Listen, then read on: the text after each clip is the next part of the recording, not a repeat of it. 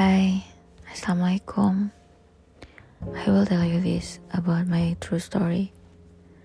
About the journey of my life since 2011 when I was 15 years old.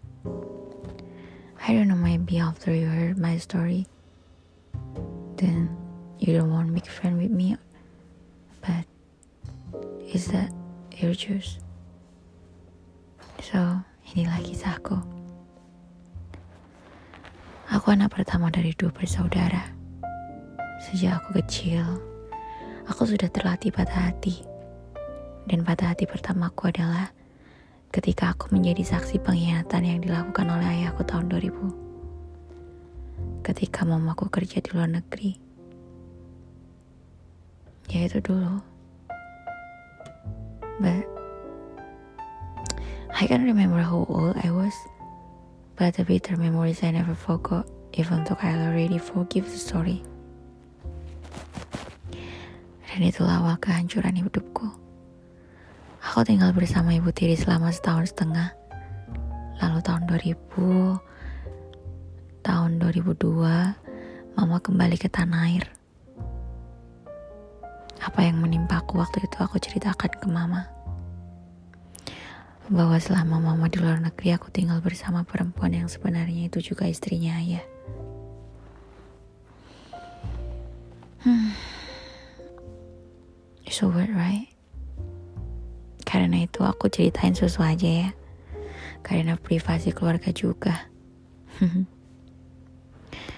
Akhir 2002, mama mengandung adik. Kalau nggak salah usia kandungannya 7 bulan waktu itu.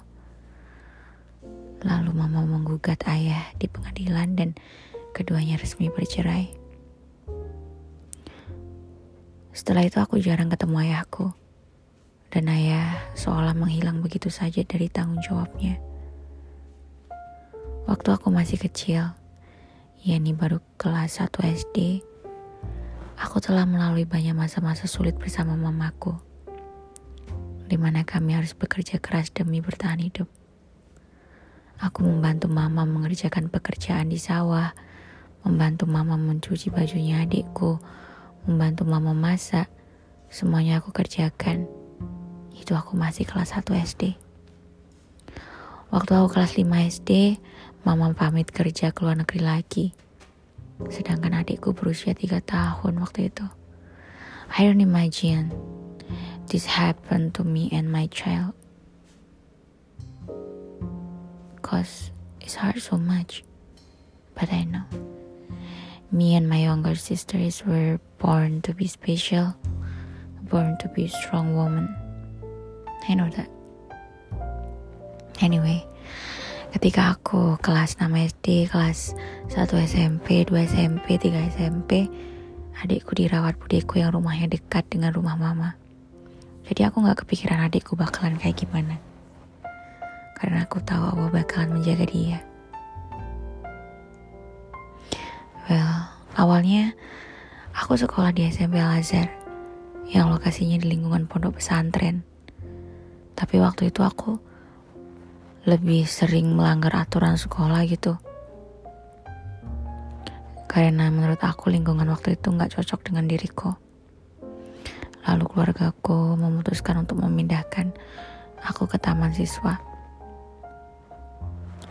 Eh, malah di taman siswa aku malah nggak fokus belajar. Main terus. Padahal cita-citaku itu ingin menjadi seorang dokter. Karena dari dulu aku suka banget pelajaran IPA. Dan IPA itu adalah pelajaran favorit aku. Panjang deh ceritanya, bisa jadi buku nih. Dan Juni 2011, takdir membawa aku pergi dari tanah air. Tepatnya sebelum aku berusia 16 tahun. Kamu tahu aku ke mana?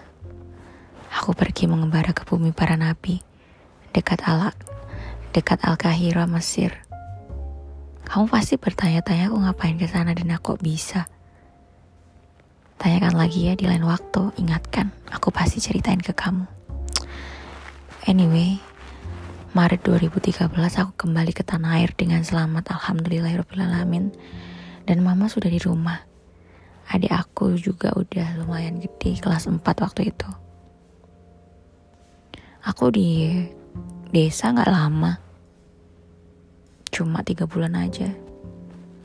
Karena budi aku yang menikah dengan warga Hongkong menawarkan pekerjaan. Kata budi aku bisa lanjut sekolah di Hongkong kayak semacam kejar paket SMA gitu. Dan bisa kuliah di sini. November 2013 aku udah di Hongkong dan aku yang sudah punya pengalaman kerja di bumi para nabi sebelumnya jadi ya nggak kaget dengan jadwal kerja menjaga nenek di panti jompo. Di Hong Kong aku melanjutkan pendidikanku. Dan tahun 2016 aku mencoba daftar di Hong Kong University. Tapi gagal. Karena ya gitulah. Kuliahnya harus setiap hari datang ke kampus. Sedangkan aku sudah terikat kontrak kerja di panti jompo. Dan mama juga udah nggak peduli dengan dengan apa ya. Pokoknya mama intinya adalah sudah melepaskan aku gitu kayak yaudah lalu mama mikirnya kamu mau jadi apa terserah kamu kayak gitu. Jadi kayak even sis have money buat nyekolahin aku kayak mama kayak lebih memilih kamu kerja aja deh mendingan kayak gitu. Itu mama sih but I love my mother so much. Anyway karena aku nggak bisa kuliah di Hong Kong University lalu aku mutusin buat kuliah di Universitas Filipina yang bercabang di Hong Kong. Jadi itu semua tentang aku. Singkat aja tapi itu itu yang aku ceritain tadi tuh sebenarnya nggak nggak bisa aku ceritakan di awal kita kenal. Tapi dulu aku udah jujurkan sama kamu kalau aku kerja jaga nenek di Hong Kong. Tapi nggak sedetail malam ini. Baiklah gitu saja kisahku terima kasih ya sudah mendengarkan. Wassalamualaikum